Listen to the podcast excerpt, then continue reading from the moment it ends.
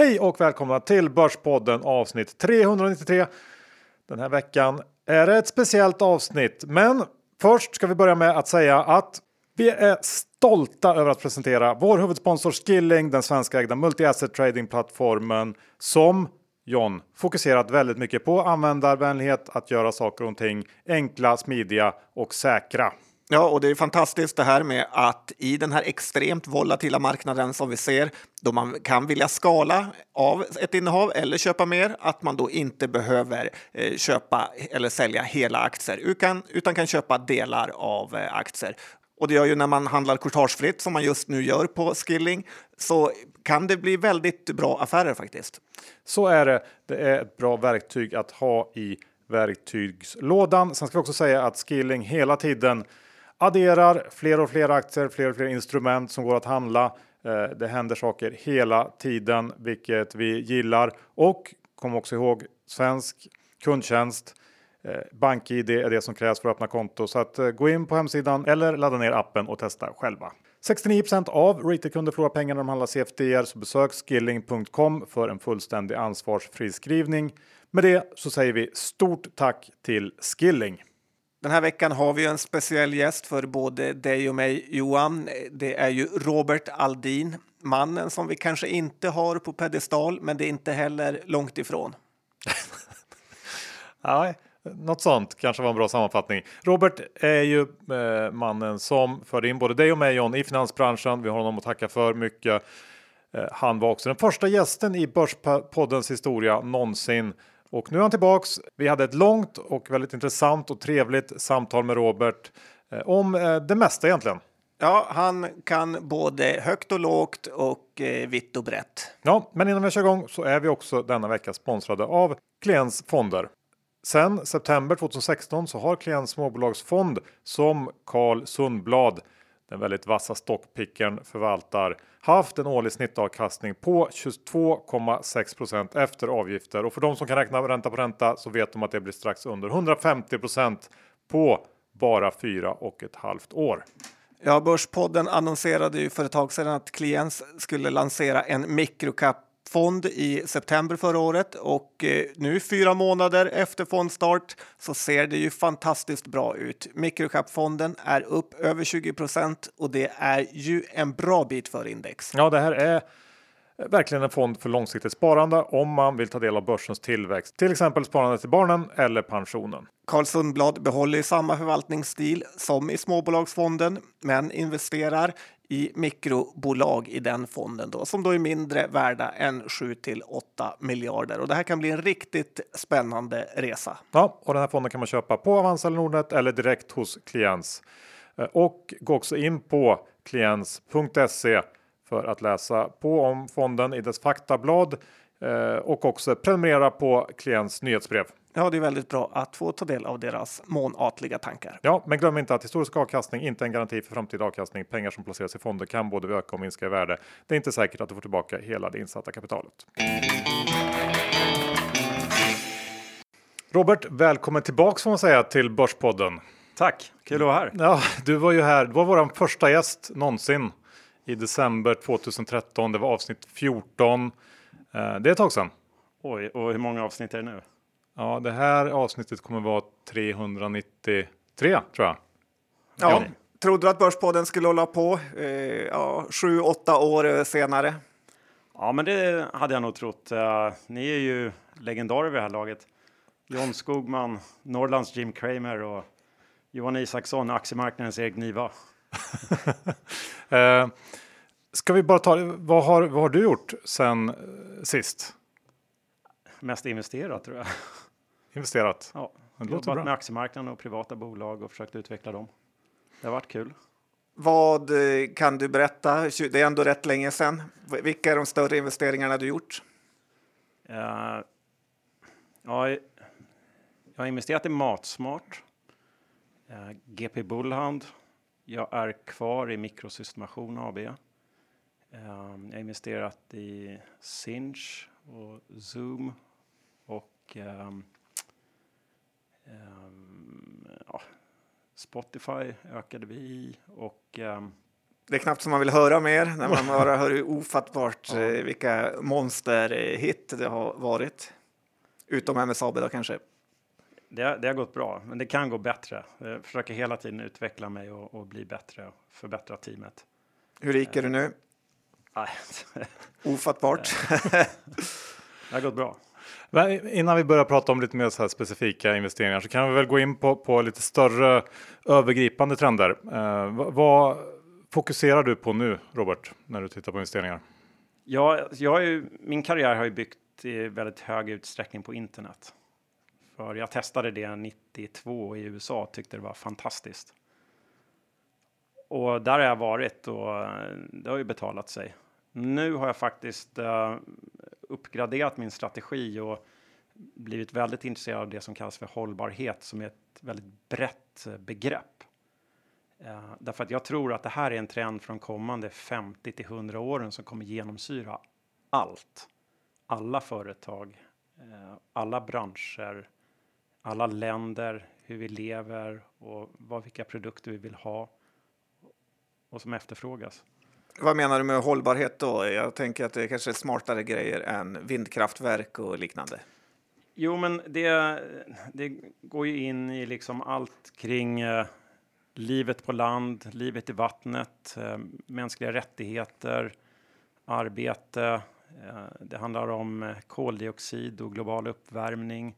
Det handlar om plaster, eh, organiska material som ersätter det. Um, ja, det, det, det, det, det genomsyrar så otroligt mycket. Um, är det inte mest förhoppningsbolag just nu i den eh, sektorn? Jo, det finns absolut, men det gör det alltid och det har det gjort inom internet också. Man det gäller ju att välja rätt bolag hela tiden. Det gäller att hitta var eh, avkastningen är som bäst i förhållande till risken. Eh, men jag tror liksom att det är en övergripande trend som kommer genomsyra alla branscher, alla företag. Men hur gör du då när du skiljer på eh, förhoppningsbolag som inte kommer bli något eller som eh, du tror kan bli något? Eh, nummer ett så ska de ha en skicklig och inspirerande grundare, vd. För det är människor som gör skillnad, det är inte affärsmodeller. Men affärsmodellen är ett lackmustest på att entreprenörerna har tänkt till att de riktar in sig mot en marknad där det går att tjäna pengar och att de hittar ett sätt att differentiera affärsidén som gör att de får ett övertag mot konkurrenterna och eh, adressera en marknad som växer och där konsumenten efterfrågar produkterna. Ja, för jag har ju extremt höga förhoppningar och förväntningar på det här, för jag kommer ihåg på Remium kan det varit 2007 eller 2008 när du visade Spotify och sa det här kommer bli en hit. Och det kändes som att det var magi när alla lottar fanns där. Så att, eh, ja. är det någon man ska följa är det ju dig på nya investeringar kan jag känna. Ja, men eh, Spotify är fantastiskt. Det är en otrolig produkt. Den blir bara bättre hela tiden. Uh, jag tror ju mycket på internet uh, och teknologi, digitalisering framöver. Uh, men just hållbarhet och gärna i kombination med teknologin kommer bli otroligt intressant. Och jag har funderat mycket och läst mycket under de senaste åren då och det här är en trend som jag tror kommer vara jättestor och, och om ni vill kan jag utveckla det liksom hur jag sätter det i för sammanhang. Mm, verkligen. Jag har läst en del uh, böcker om människans uh, historia och uh, så och det, det varit väldigt intressant läsning. Och det jag får fram då är att människan har funnits på jorden i 3-4 miljoner år. Och eh, för ungefär 70 000 år sedan, det är ganska nära i tiden då, i, i förhållande till de där 3-4 miljoner år sedan, så fick människan, tror man, föreställningsförmågan. Och det gjorde att eh, ihop med att man kunde kommunicera och organisera och, och eh, lärde sig saker så eh, skedde jordbruksrevolutionen. Man, man började istället för att vara jägare och samlare så eh, började man odla eh, växter för sin eh, livsmedelsförsörjning. Och eh, man domesticerade djur. Eh, sen hände faktiskt inte särskilt mycket under de här 70 000 åren. Först när vi kom till ungefär 1400-talet då man uppfann eh, krut eh, och tryckpress. Och så dröjde det väl kanske 100 år och sen vid 1500-talet så var det en enorm explosion i innovationer som gjorde att det gick väldigt fort. Och så kastades det ganska snabbt efter några hundra år in i industriella revolutionen. Och efter den så dröjde det liksom bara ett par hundra år, så nu är vi inne i informationsåldern. Och nu är vi på väg in i en ny tidsera eh, när man ska göra någonting vettigt av den här informationen och bygga ihop den med eh, liksom bioteknik och liknande. Och där vi går mot att eh, faktiskt eh, designa nya organiska livsformer. Um, Låter läskigt. Ja, det är läskigt, men också väldigt intressant. Det är en väldigt intressant tid vi lever i. Och om man tittar på de innovationer som har gjorts eh, genom historien så för 3,3 miljoner år sedan så uppfann eh, människan stenverktygen. Sen dröjde det en miljon år ungefär till dess att man började använda eld för matlagning. Och sen dröjde det ytterligare drygt en miljon år innan nästa stora uppfinning kom som var båtar. Och sen dröjde det kanske 600 000 år och sen kom, och det är 350 000 år sedan, då, då började man använda språk på riktigt. Eh, och sen dröjde det väl drygt 300 000 år och sen kom spjut och keramik. Och så 12 000 år eller något sånt där efter det så började man då använda agrikultur. Hände ingenting på drygt, eller ungefär 10 000 år. Sen kom papyrus och eh, vattenklocka. Eh, så man kunde liksom mäta tiden och man kunde dokumentera saker istället för att skriva på eh, grottväggar. Sen hände inte så mycket förrän på 700-talet. Då kom papperspengar fram. Och sen 900-talet någonting tror jag det eh, kom krut. Uh, och 1439 kom tryckpressen. Och det som hände med tryckpressen var ju liksom att man kunde replikera information, lagra information, replikera den, sprida den brett. Och, men först var ju tryckpressarna tvungna att uh, distribueras och byggas. Och det dröjde väl ungefär en hundra år uh, innan det fick fäste och man kunde börja sprida information på riktigt, verkar det som. Så 1569 så gjorde man kartor med Mercators projektion och då, då kom liksom eh, vetenskapsrevolutionen igång på riktigt och man började liksom söka sig till andra kontinenter och man kunde tracka var man var någonstans. Och sen hände det inte så mycket mer på 1500-talet. 1600-talet kom teleskop, mikroskop, pendelklocka. Sen var BAM! 1700-talet. Ångmaskin, kylskåp, ångfordon, ångbåt, telegraf, vaccin.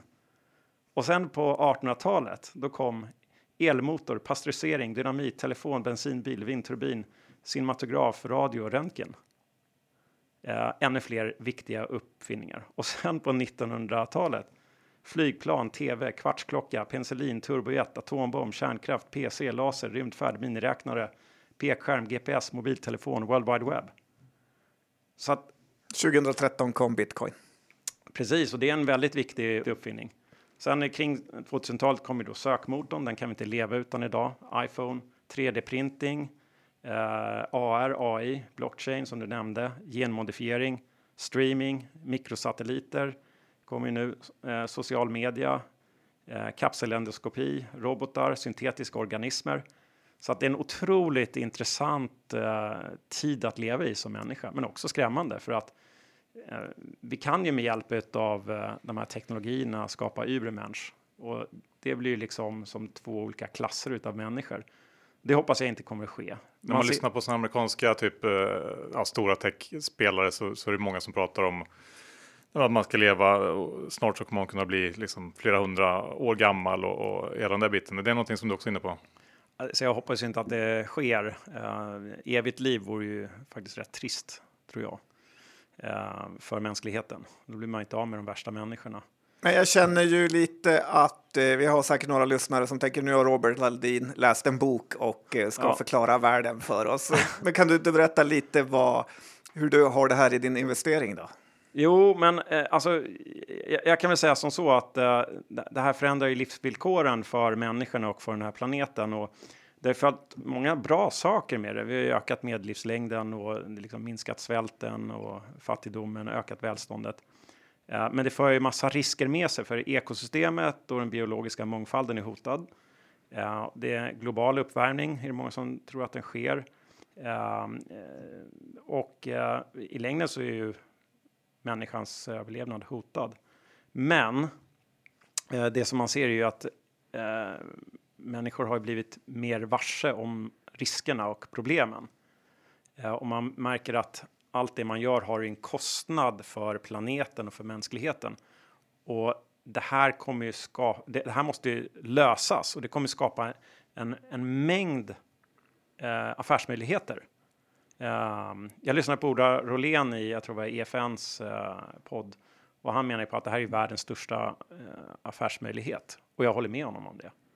Eh, så att eh, det, det, det, handlar inte liksom bara om att eh, hållbarhet är koldioxid och global uppvärmning, utan det genomsyrar liksom, som jag sa, allt politik, konsumenter, affärer och skapar nya villkor för det och affärsmöjligheter. Um, du nämnde väldigt lite om rymden i Elon Musk-anda. Ingen kolonisering av rymden på gång. Jo, men det, det vill ju han och andra. De, de vill ju dra från den här planeten. Du vill bara rädda den? Ja, det tror jag det är bättre uh, faktiskt. Gräva där man står, som eh, de brukar säga. Ja, så uh, det, det, det, finns en, en, massa grejer att göra med, med det här och uh, jag, jag, kan väl ta några exempel på framtidsbranscher då som mm. tar sharing economy som jag tycker är jäkligt bra för att mycket av konsumtionen idag går ut på att köpa nytt, slita det och köpa nya grejer igen. Eh, men sharing economy går ju faktiskt ut på att eh, man delar på tillgångar med andra och det är ju resurseffektivt. Så exempel på det är Airbnb och Uber. Um, och sen kommer det ju hända väldigt mycket inom digital hälsovård, telemedicin. Kry är ett sådant exempel. Nu har ju de problem med landstingen, men jag ser det mer som ungefär som Spotifys eh, problem med skivbolagen i början. Konsumenterna vill ha Krys app, precis som de vill ha Spotifys app. Så på något sätt så får de ju fixa till affärsmodellen och, och, och så. Eh, jag tror att det kommer hända väldigt mycket inom social gaming. Det eh, späs ju på nu av den här eh, krisen som vi lever i nu. Så man ser hur unga människor spelar och umgås. Och på det är ju både Snap och Roblox bra exempel på. Ehm, och sen ser man ju då inom digitala möten, eh, det, det, är ju väldigt bra för det minskar ju mängden resor och därmed koldioxidutsläpp. Zoom och i viss mån Sinch är svar på det. Um, Vad har Sinch där? Jag trodde det var sms-företag mest. Ja, men det har ju varit eh, distribution av sms i stor utsträckning, men nu håller de på att transformera hela bolaget så att det har med röststyrning och liknande att göra. Så att när du får en Uber Eats leverans så kan du ringa upp ett nummer så talar du med en dator som svarar dig när leveransen kommer. Uh, och det, det, det, det, är det de håller på att bygga upp nu och det är ju väldigt intressant. Uh, sen när man kollar på hållbarhet då så eh, uh, icke animaliska produkter är ju en jättetrend därför att uh, köttproduktionen kommer inte kunna skala upp i den omfattningen att det kan erbjuda kött till alla människor som vill ha det med en växande medelklass och liknande. Dessutom så är djurhållningen inte särskilt bra. Eh, det går inte att tillverka till mycket grödor för att förse en hel köttindustri eller köttproduktion då med, med mat till djuren. Eh, så där ser vi ju eh, liksom Oatly ett sånt svar. Eh, skulle jag köpa aktier i den när den kom ut på börsen? Absolut. Eh, det växer så det knakar. Sen ser man att det, det finns bolag som hanterar att reducera plaster med hjälp av organiska alternativ. Jag har investerat i Organoclick som är ett litet bolag på Stockholmsbörsen. Um, jag tror uh, hållbar produktion och drift av fastigheter. K2 är ett sådant exempel som gör de bygger uh, i trä. I trä, helt i trä. För betong är ju koldioxid uh, negativt helt klart. Men trä är mycket bättre. Och sen har jag investerat i Rolling Optics som motverkar plagiat. Det är också en typ av hållbarhetstrend tycker jag. Eh, därför att eh, mycket falska läkemedel, falska sedlar, falska pass. Och det kan Rolling Optics eh, lösa det problemet med sin teknologi. Det låter verkligen som att det här synsättet har, har liksom genomsyrat, börjat genomsyra hela din, din, ditt sätt att investera.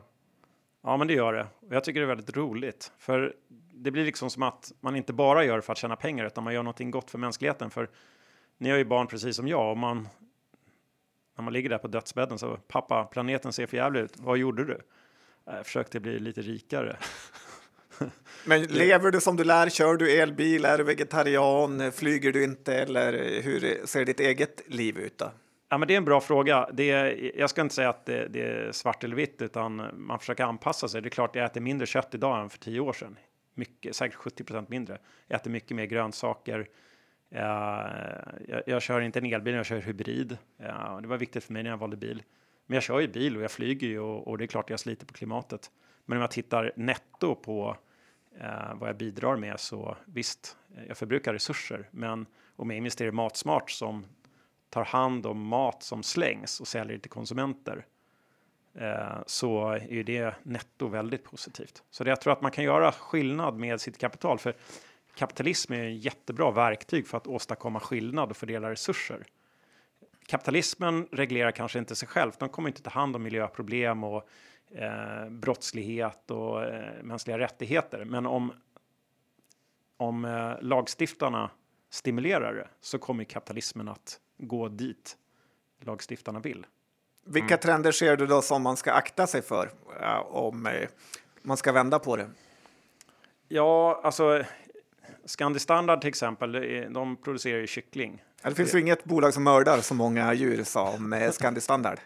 Nej, det, det, finns säkert ännu värre än dem, men det, det liksom, vill man jag kyckling? Ja, men vill jag äga aktier i Scandi Standard? Nej. Försöker jag köpa mer ekologiskt och trevligare hanterad kyckling? Absolut. Eh, beskriver de sig som ett hållbarhetsföretag på sin sajt? Absolut, men det är bara hyckleri.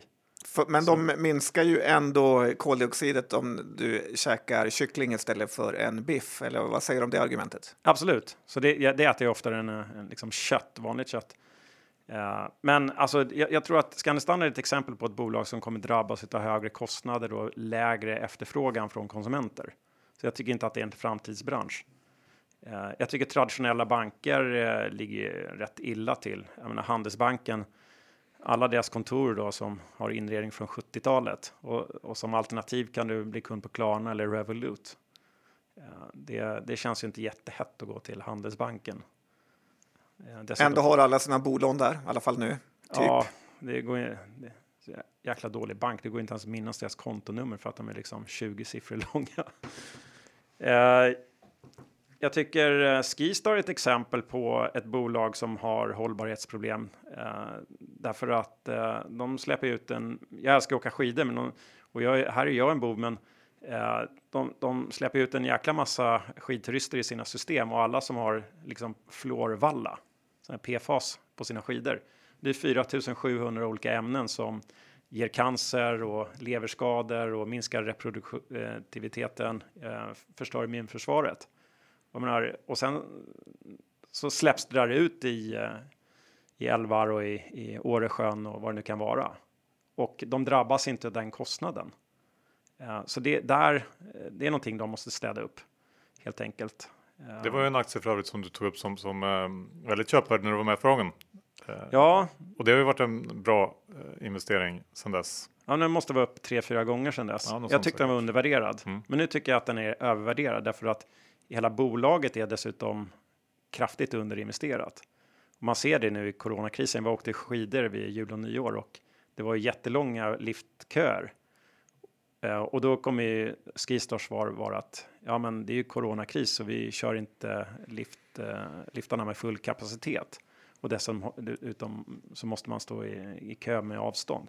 Men det här blottar ju bara deras problem att de är underinvesterade. Så jag, jag räknar med att de måste investera liksom kanske 300 miljoner de närmaste åren i liftkapacitet. Och samtidigt så lever de i väldigt stor utsträckning på att knoppa av eh, mark i Sälen. Ja, och skulle räntan börja stiga, då har de ju jätteproblem för halva resultatet eller något sånt där kommer ju från eh, markvinster. Eh, så att eh, det där, eh, de, de, de har använt, eh, familjen Paulsson har använt Skistar som en kassako, mjölkat den. Och det kommer inte gå framöver därför att produkten är för dålig. Det är för dåligt varumärke och de har en ny vd. Han, han har en hel del att ta itu med. Mm. Tycker jag.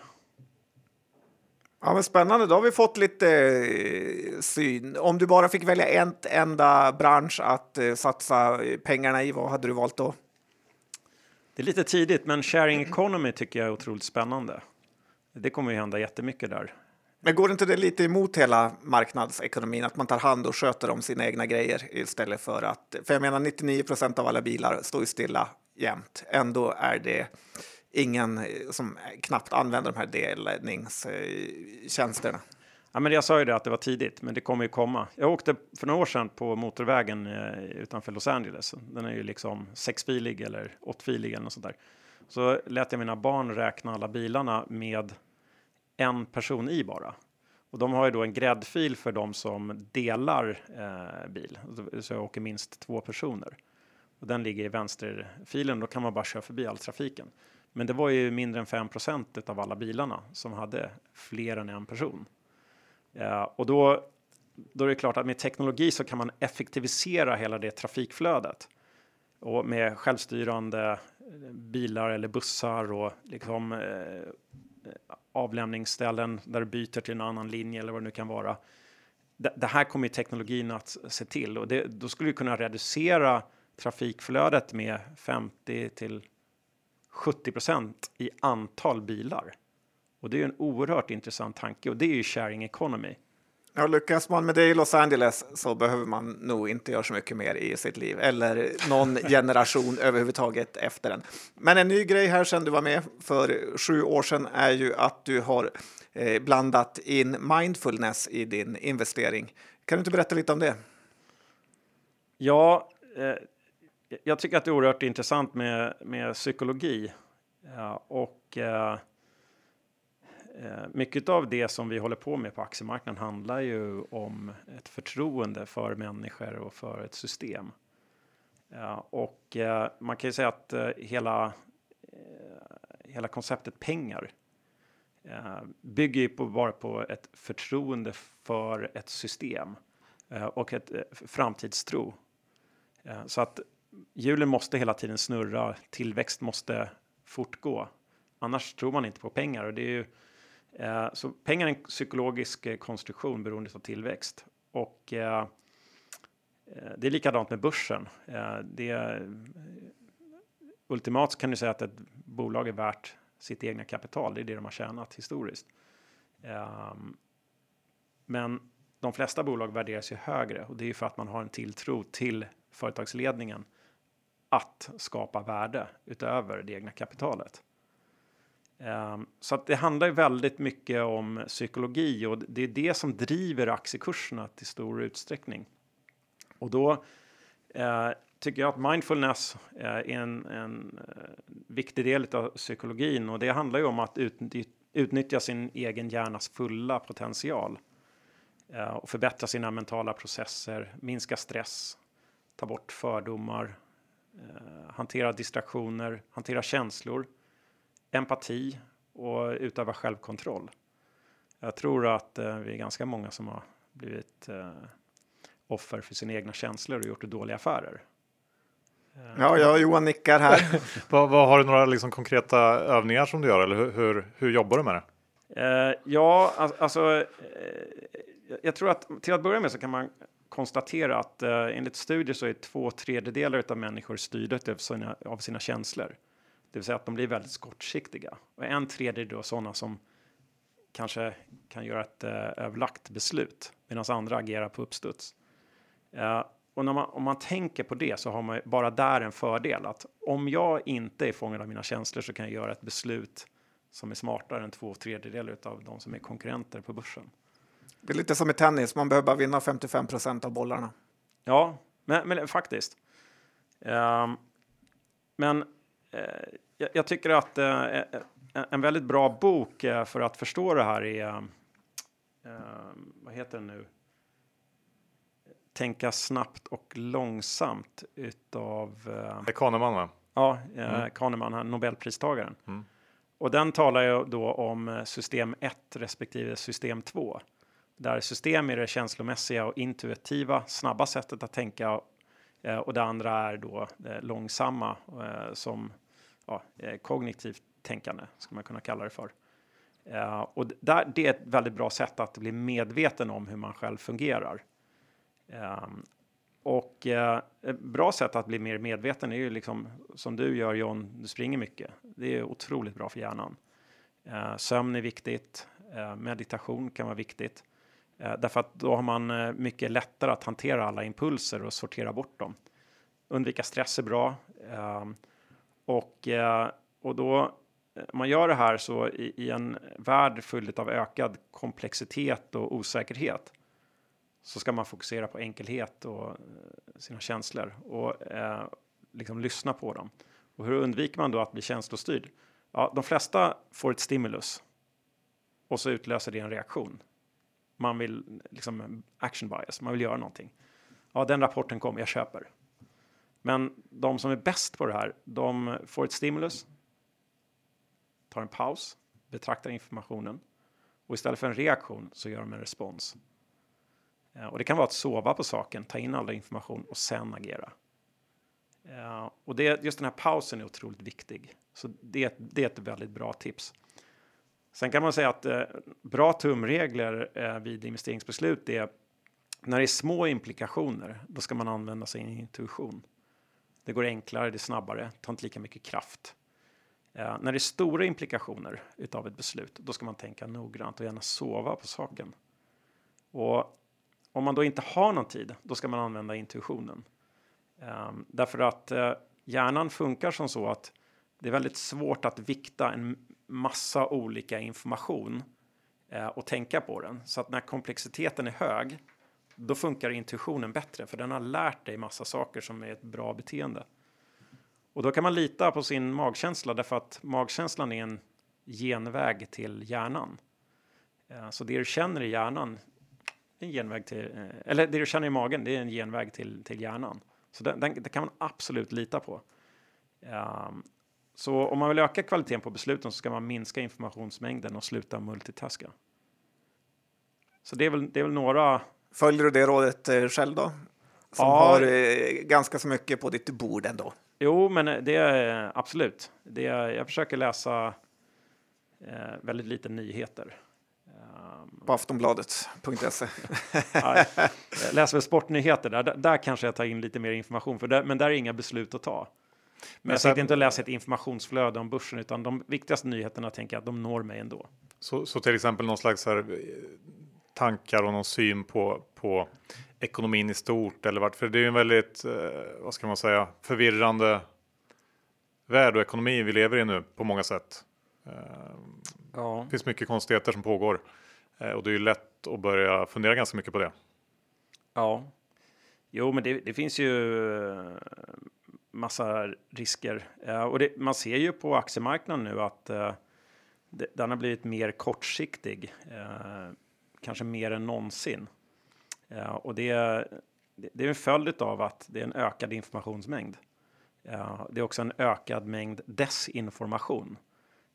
och det ser man ju liksom att med de här GameStop-dreven så är det folk som sprider falsk information i sina egna syften. Ehm, och sen eh, ser man att courtagen det, liksom, kurtagen har blivit lägre. I USA går det ju då via de här Robinhood att handla aktier gratis.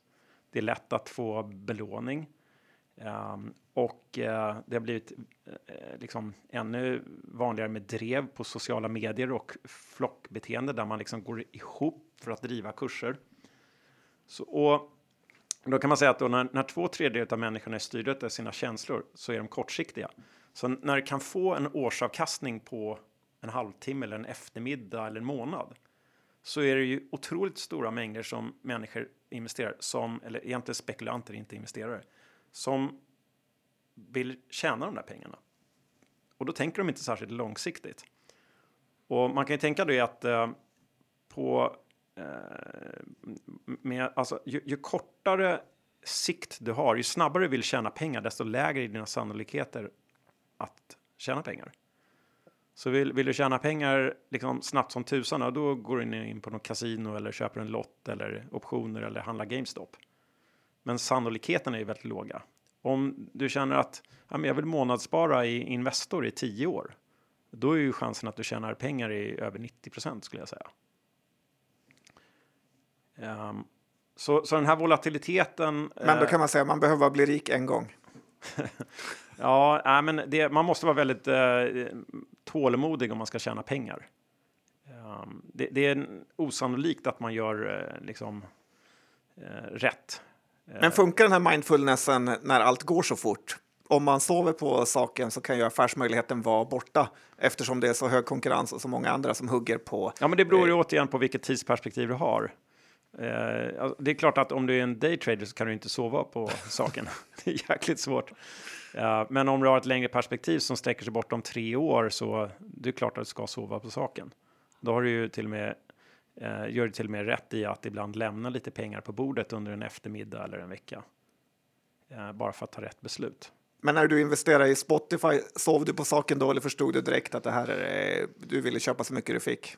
Ja, men alltså när, jag, när Martin Lorentzon visade mig den hösten 2007, det, det, jag ville ju absolut investera där. Sen dröjde det ett tag innan jag kunde göra det. Uh, men det var, det var en väldigt stark känsla. Uh, det var också en väldigt stark känsla när jag ville investera i Facebook eller Google. Uh, verkligen. Magkänsla eller tänkkänsla? Ja, men det var magkänsla, absolut. Intuitionen är ju bra. Intuition är inte någonting du föds med. Intuition är ju en summan av alla dina erfarenheter. Um, äh, ni hatar ju vad jag förstår research uh, i, i, den här podden. Alltså, ni Vi har vänt nu. Nej, jag, ni har vänt nu. Jag, okay. Den är för billig. Jag, jag äger research. I, var det i morse eller? nej, nej, nej. nej, men vad tänkte du säga om research? Nej, men research var en Johan tänkte klippa bort det. nej, det. Det var en sån aktie som de hade tagit bakvägen in på börsen. Uh, kommer, kan det vara 2005 eller något sånt där. Och så träffade jag Johan Löv och han presenterade och då kände jag så här, det här är fantastiskt. Det här är riktigt jäkla bra. Och det var intuition. Uh, och det är kul när de uh, känslorna kommer fram. Det är inte ofta man träffar fantastiska företag. Har du någon koll på Research nu? Ah, jag har ju sett att uh, deras rapporter är väldigt fladdriga och det hatar ju aktiemarknaden. Det är likadant med mikrosystemation där jag är delägare. Det är väldigt fladdriga delårsrapporter. Det hatar de ju. Eh, investerarna hatar ju bolaget för det. Mm. Så då måste vi ändra på affärsmodellen för att få ett jämnare flöde och en högre skalbarhet. Ja, men ska vi prata lite aktier ändå när vi är här och nosar?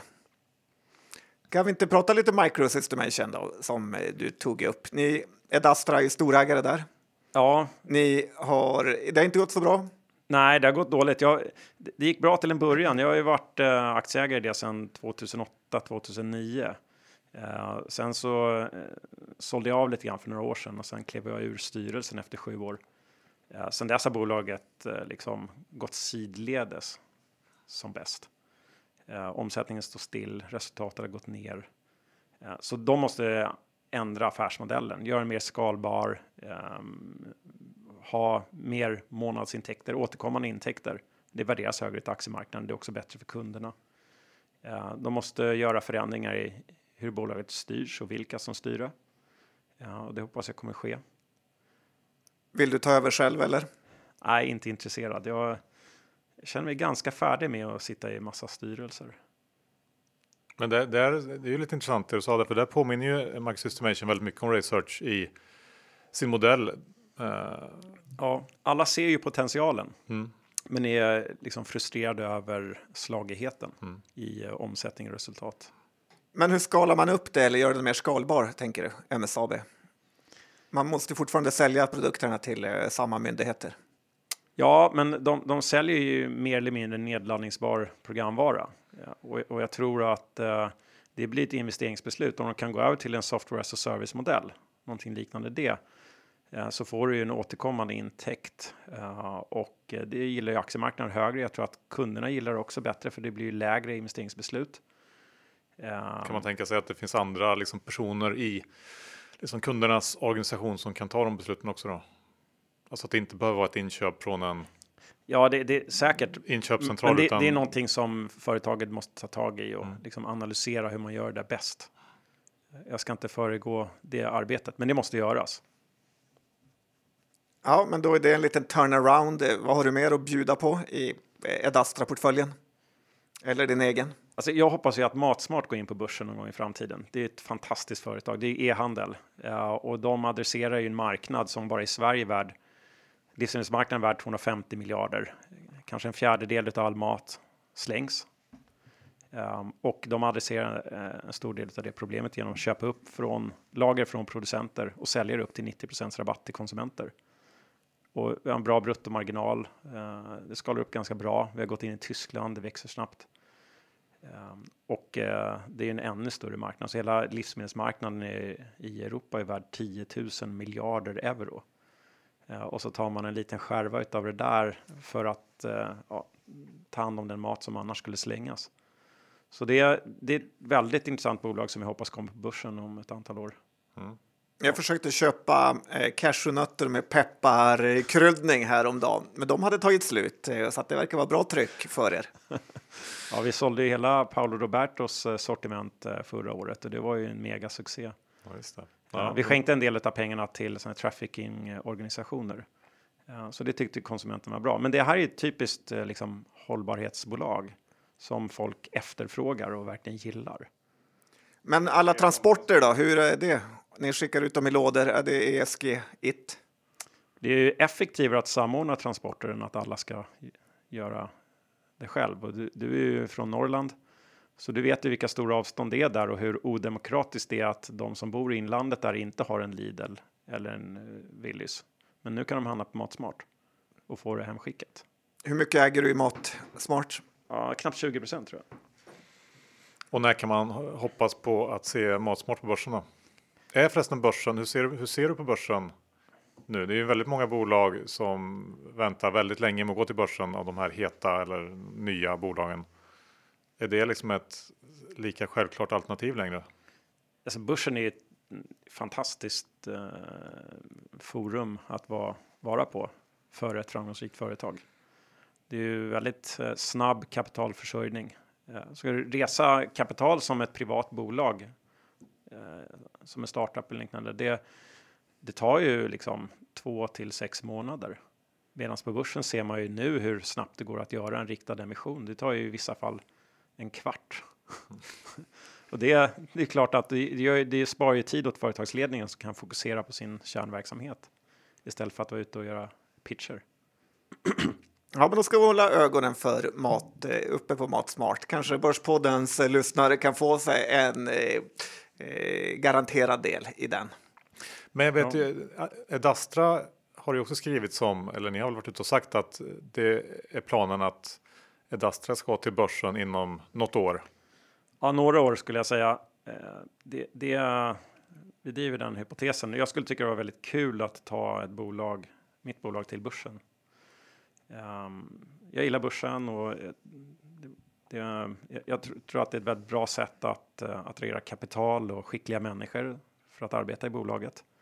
Eh, man kan bygga varumärket så man kan göra ännu bättre investeringar för de bästa investeringarna i konkurrens om. Så det skulle jag tycka var eh, jättestimulerande. Istället för att ha det som ett familjeföretag. Den, den tiden är förbi för mig. Då får du, vad skulle du vilja göra för något liksom, som man inte kan göra när man är eh, onoterad? Som man kan göra när man är noterad. Du får, kan ta in mycket pengar och röra om i grytan ordentligt. Jo, men det är alltså kapital är ju eh, som in, kapital som investeras har ju en skalfördel. Um, man måste ju inte anställa fler människor linjärt med kapitalet som du har under förvaltning. Så man kan göra liksom större och mer intressanta affärer om du har mer kapital. Och är du på börsen och är mer eh, känd så har du lättare att komma in i de bästa affärerna. Så det, det är det jag skulle vilja åstadkomma. Eh, sen har jag lyckats eh, attrahera en väldigt duktig vd i, i Christian Hellman. Och han ser det som ett eh, mycket stimulerande mål att ta bolaget till börsen och leda det där. Och jag tror han kan göra ett jättebra jobb. Vad är hans styrkor? Väldigt analytisk. Eh, han är duktig med människor. Eh, han är långsiktig i det han gör. Han, han är duktig på att räkna. Han är duktig på att hitta bra eh, affärsmodeller och, och känna igen skickliga entreprenörer. Eh, så vi har jättekul ihop. Hur, hur nu, letar ni? Jag antar att ni letar nya investeringar hela tiden eller har ni någon liksom en kassa att handla för nu eller hur, hur liksom ser det ut? Ja, vi, ligger, vi är ganska likvida och det, jag försöker alltid ha likviditet. Ehm, dels så tar det ner volatiliteten i hela portföljen. Ehm, dels så är du alltid beredd att kunna köpa oavsett klimatet på börsen. Ehm, och eh, det, det, är en trygghet eh, tycker jag. Så vi letar hela tiden eh, nya eh, affärsmöjligheter och, och, det som vi gör är att vi kombinerar en top-down analys med bottom-up, det vill säga att vi tittar på makrotrenderna, försöker hitta de bolag som passar in i de trender Eh, och sen så gör vi bottom-up analys, det vill säga att vi tittar på bolagen, vilka de som är som sköter dem och hur resultaträkningen är och konkurrensfördelarna etc. Så vi vill rida på stora trender, försöker vara långsiktiga. Eh, jag och Christian brukar ofta prata om det att mycket av eh, prissättningen på börsen styrs av kvartalsrapporter och, och ett perspektiv som är mindre än ett eller två år. Så tittar du tre år bortom tre år så är ofta inte tillväxten diskonterad för tillväxtbolag. Eh, så det går att, eh, känner du att det här är ett bolag som har bra konkurrensfördelar och en duktig entreprenör, det kommer växa under lång tid, ja, då kan man köpa det. Så kommer det vara mer värt om tre år. Däremellan är det nog bara volatilitet. Så hitta skickliga entreprenörer och leta efter vinsttillväxt. Vi gräver där vi står i Stockholm. Eh, sen tycker jag att vi försöker hitta en asymmetrisk risk-reward där risken är begränsad men där uppsidan är eh, liksom stor. Större än tre gånger, tio gånger, i vissa fall 20 gånger. Eh, och det blir ju en väldigt intressant kvot mellan dem. Mm, där gör man ju fel själv många gånger att man letar för låg uppsida. Men nedsidan är typ lika stor som uppsidan. Ja. Dessutom det här att eh, våga se på lite längre sikt har ju också eh, gjort att man har missat många bra affärer på de här bolagen som har alltid känts lite för dyra. Jag, alltså jag tycker inte ens det är stimulerande att leta efter bolag där uppsidan 20% Det är fel marginal för mig. Det är volatilitet bara. Hur ska man liksom, ska man köpa? Ja, det P-talet är 15, det borde vara 17. Eller vinsten är underskattad med 10% och sen ska marginalen upp och, och sen är aktien värd 20% mer. Det är ju liksom inte ens spännande. Men är det inte lite för mycket att försöka se in i framtiden om man eh, tittar tre år framåt eftersom man kan knappt se ett kvartal framåt. Hur ska man då kunna se tre år i tiden framåt? Ja, det är en bra fråga. Det är inte så svårt. Okej, okay, det är en bra det modigt att säga. Svårt. Ja, men jag var på ett seminarium som eh, Goldman Sachs eh, hade för ett, kanske tio år sedan på Grand Hotel. Och de sa till mig att, eh, eller till oss som lyssnar då, att eh, det är inte så svårt att se in i framtiden. Och så tog de upp 1950. Eh, Vad var liksom viktigaste trenden då? Månen Pla kanske? Plast. Plast, okej. Okay. Plast. 1960, plast ännu viktigare. 1970, plast ännu viktigare. 80, ännu viktigare. 90 ännu större. Är det plast större idag? Det är sjukt stort. Och sen visade de den här framtidsvideon eh, med internet från 50-talet eller 60-talet. Jag kommer inte ihåg vilket år det var. Eh, där man hade en familj som då illustrerade hur framtiden skulle te sig. Där mannen gick in på datorn och betalade alla sina räkningar och frun handlade sina kläder och eh, online eh, och man kommunicerade med sina vänner via e-mail eh, etc. Och det var liksom en framtidsvision och den var spot on. Och den, den hände ju liksom 40-50 år senare. Men jag menar, det har gjorts hundra sådana som har varit fel med och så har de valt ut den som har varit rätt och så visar de upp den och säger att det är lätt. Så, för jag menar, kan du berätta vad som kommer hända om 20 år framåt? Hur ser det ut då, Robert? Alltså, jag var ju här för sju år sedan och då pratade vi rätt mycket mobilen, eller hur? Det var inget ja. svårt att se. Eller, ja, det var rätt. Ja. Och, äh, tror ni alternativ till komjölk kommer bli större? Det är ju liksom inte ens en procent av marknaden. Ja, det kommer bli större. Eh, kommer eh, Beyond Meat och Impossible Foods ta en större del av köttmarknaden? Absolut, därför att konsumenterna vill inte se grisar skållas levande eller kor stå i, trånga bås. Ja, ja men det är väl lite på den nivån man får lägga sig. Kommer, kommer att bli större. Kanske inte om det blir 20,3 procent eller 25 procent större. Alltså, ja, men riktningen alltså, på något sätt. Det, riktningen är, är viktig och sen trender är ju ganska enkelt av den anledningen att du, du, du, tittar från A till B där B är en punkt som ligger tre eller fem eller tio år fram i tiden som inte behöver vara beroende av massa olika parametrar som ska eh, falla ut. Då blir det en algoritm som där liksom eh, B är beroende av A, C är beroende av B, D är beroende av C eh, och så vidare. Och eh, om något av dem faller så händer inte det där scenariot. Men när du tittar på stora trender så är det bara från A till B om tio år i stort sett. Och då vet vi att hållbarhet kommer bli mycket större och liksom labbodlat kött eller organiskt kött kommer bli mycket större. Um, ja. Nej, men så är det ju. Men sen gäller det att välja rätt eh, bolag med. För var man på 60-talet och frågade sig, kommer folk att flyga mer eller mindre? Så kan man säga ja. Men ja. alla som investerar i flygbolag har ändå förlorat massa pengar. Och eh, det är ju inte lätt att tjäna pengar ändå.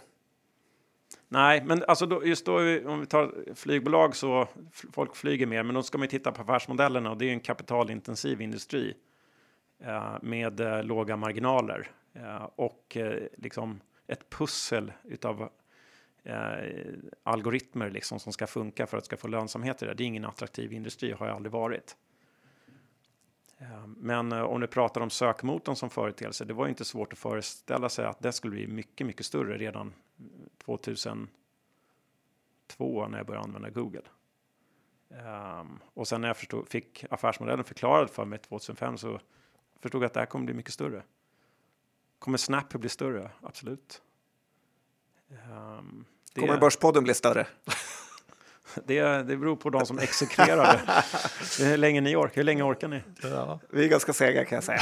Men, men, rätta mig om jag har fel nu, men jag har för mig att, att du Robert um, sålde av väldigt mycket inför den förra kraschen 08 där. Att du uh, ja, kollade den, eller vad man ska säga, såg i alla fall lite vad som skulle hända och sålde av väldigt mycket. Stämmer ja. inte det? Jo, oh, det gjorde jag. Jag har haft tur att uh, kanske lite skicklighet att vara likvid in i alla krascher.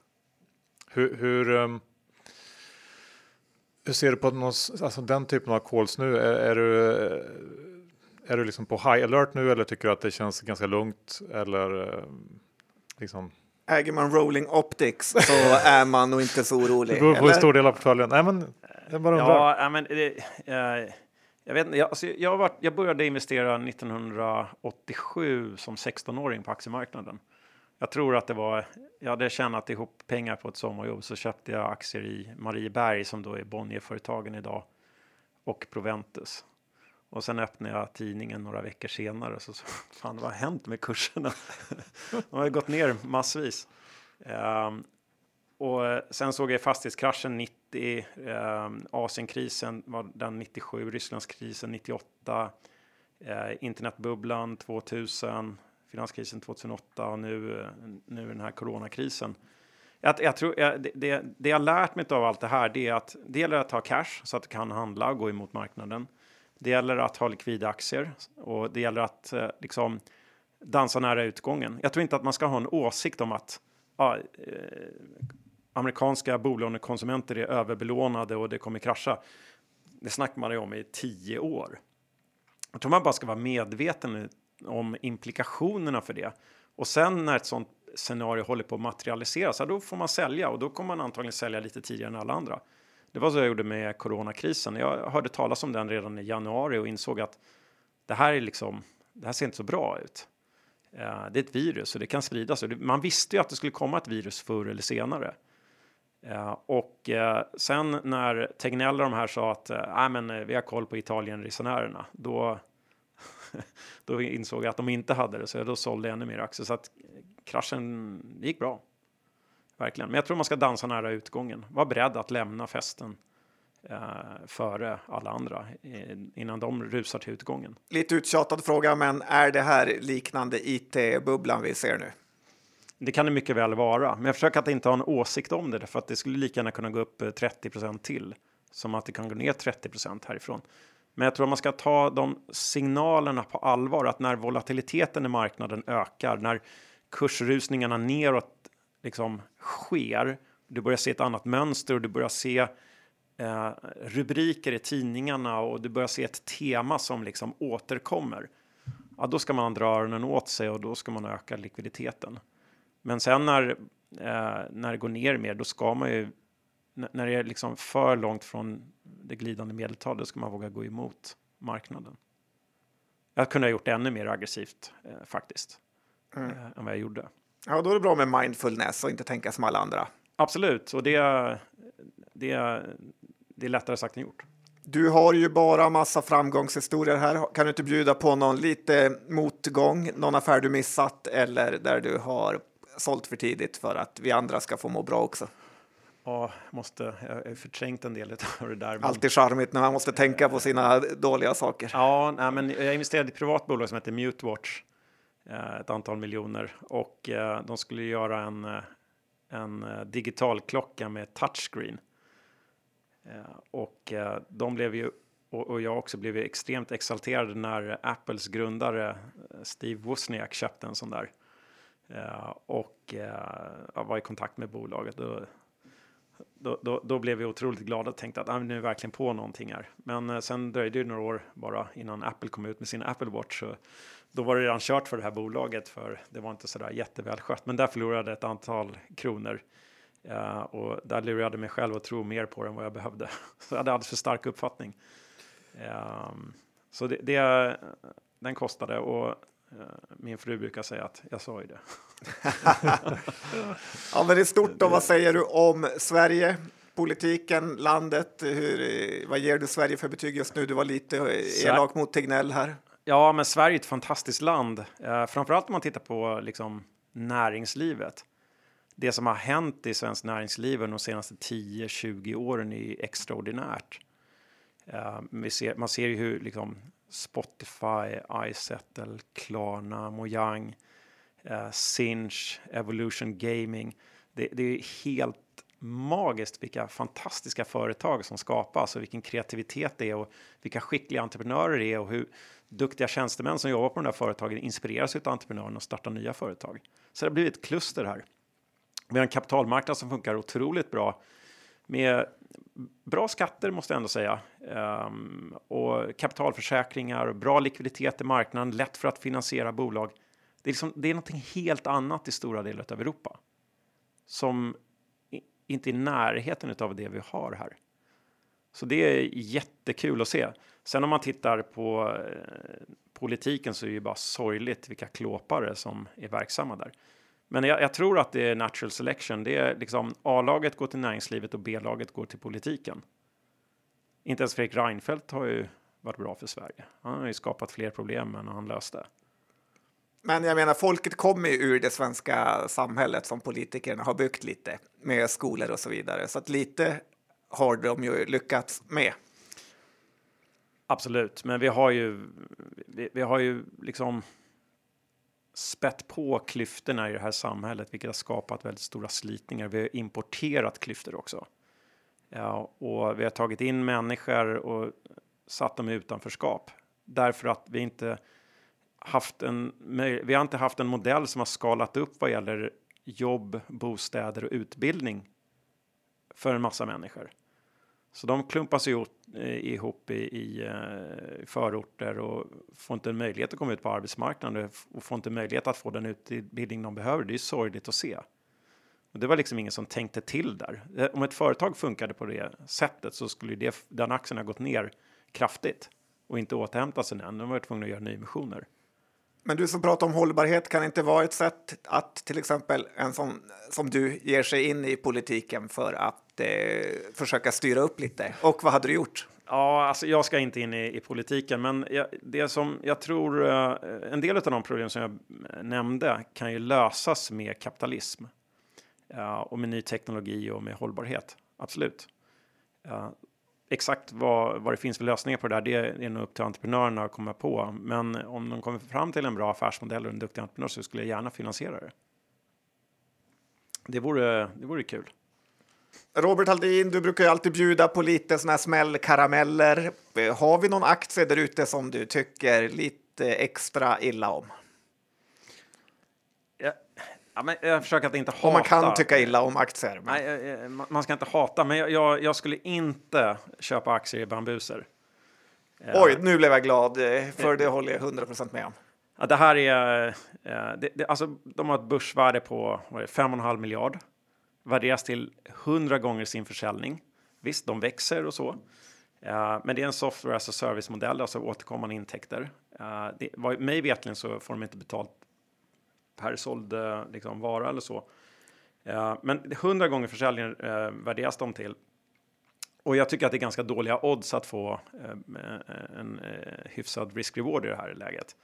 Eh, alltså, bolaget pratar mer geografisk footprint eh, än att de pratar om sina konkurrensfördelar. Och då ska man vara medveten om att de simmar ju, de är ju som en säl bland hajar. Uh, och, och mm, har ju TikTok, Facebook, Instagram, det är sådana som ger sig in på det här området då med live shopping. Uh, och som har extremt kapabla teknologier och programmerare och utveckla fantastiska produkter. Um, och, uh, och, och, i, det här, i den här marknaden ska då Bambuser slåss med 5 miljarder börsvärde 100 gånger sales. Alltså den aktien skulle lika gärna kunna gå ner 90 procent utan att det skulle vara konstigt. Då skulle de värderas till 10 gånger eh, liksom sin, eh, sina intäkter. Och det är väl mer normalt för den typen av affärsmodell. Eh, det kan mycket väl vara så att de fortsätter att växa och bli framgångsrika. Men jag tycker inte oddsen är på köparnas sida här. Eh, och eh, det här är ett exempel på en aktie där det är en tydlig brist på techföretag i Stockholm. Ja, bra. Jag tror eh, det skulle vara kul om det blev någon slags diskussion här, men jag tror varken jag eller John har så mycket att invända, eh, tyvärr. Nej, faktiskt. Bambuser är ju en brutal bubbla skulle jag skriva under på. Men också en intressant eh, observation där att det kanske är som du säger någon slags techbolagsbrist. Eh, många hungriga investerare där ute. Ja, men det är tydligt. Jag, jag kommer ihåg eh, när eh, jag var ägare i Trade Doubler som gick in på börsen. Jag tror det var 2005.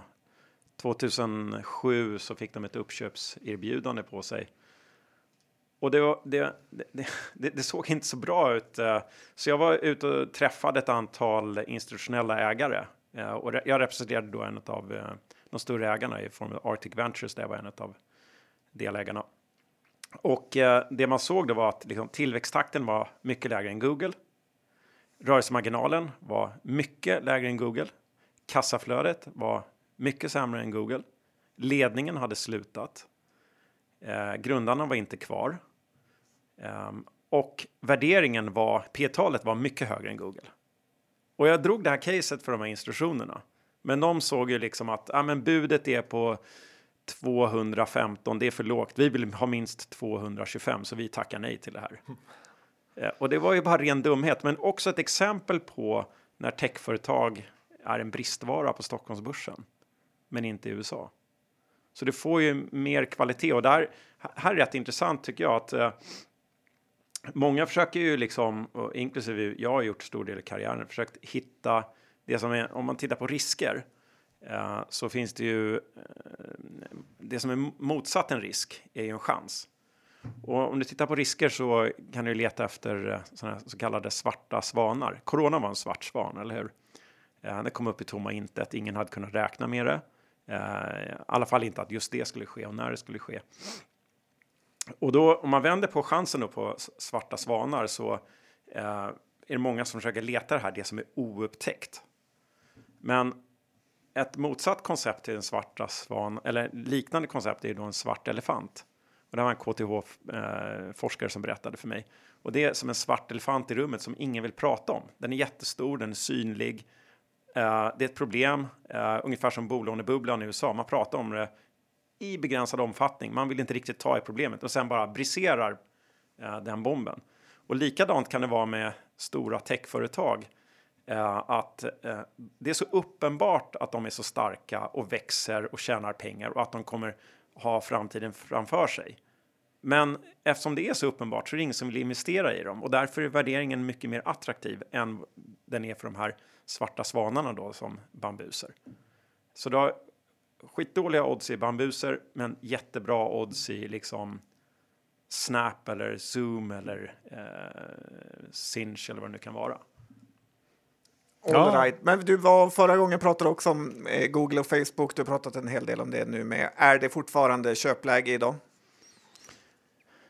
Köpläge, eh, kanske inte på liksom kort sikt. De har ju stigit väldigt mycket. Om man ser på tio års sikt så tror jag att de kommer fortsatt vara extremt eh, mäktiga. Tjänar massvis med pengar. Facebook är ju liksom, det är typ e-mail. Eh, sök. Vi, alltså, det, liksom, det är integrerat i ens hjärna. Man klarar sig inte utan sök. Tänk om vi tog bort sökmotorn. Vad gör vi då? På Google tänkte du då? Ja. Och Facebook då? Ja, det, men det, det, jag använder inte jättemycket, men det, det, det, är liksom, det är ju e-mail i princip kan man säga. Alltså likställ det med e-mail. Alla har det. Bra Robert. Eh, det är dags att, att runda av den här intervjun. Väldigt kul att du tog dig tid att komma hit igen. Ja, ja men kul, kul att vara här och kul att träffa er, er, er igen. Så tack. Slut på avsnitt 393. Vilket avsnitt det blev John. Verkligen. Att eh, Robert Aldin tar sig tid i sitt eh, tajta schema och eh, pratar med oss och Börspoddens lyssnare gör mig väldigt glad. Han har inte glömt where he come from. Nej, det är vi tacksamma för och kanske också ett litet tack till dig och mig John att vi gör det här. Ja, vi grindar på. På. Sportlovsveckan, det är inte alla som jobbar då kan man säga. Nej, det är det inte. Och ett stort tack till vår huvudsponsor Skilling. Gå in på skilling.com eller ladda ner appen, öppna ett konto om ni är sugna på att testa på. De har ett grymt utbud. Verkligen. Och klientsfonder, lova mig, signa upp er på deras nyhetsbrev. Det är bra saker. Man får ta del av superförvaltaren Carl Sundblads tankar helt gratis. Och om man även vill investera i en fond så gör man det på Avanza eller Nordnet. Ja, men glöm inte att historisk avkastning inte är en garanti för framtida avkastning. Pengar som placeras i fonder kan både öka och minska i värde. Det är inte säkert att du får tillbaka hela det insatta kapitalet. Med det sagt John så får vi väl önska alla där ute som har Sportnoll nu. Alla lyssnare har väl inte det, men de som har det. Ett fortsatt trevligt sportlov och uh, ja, ni andra får också ha en fortsatt trevlig vecka så hörs vi om en vecka igen. Ja, snällt sagt av dig Johan. Sån är jag. Tack och hej, vi hörs. Det gör vi. Hej då!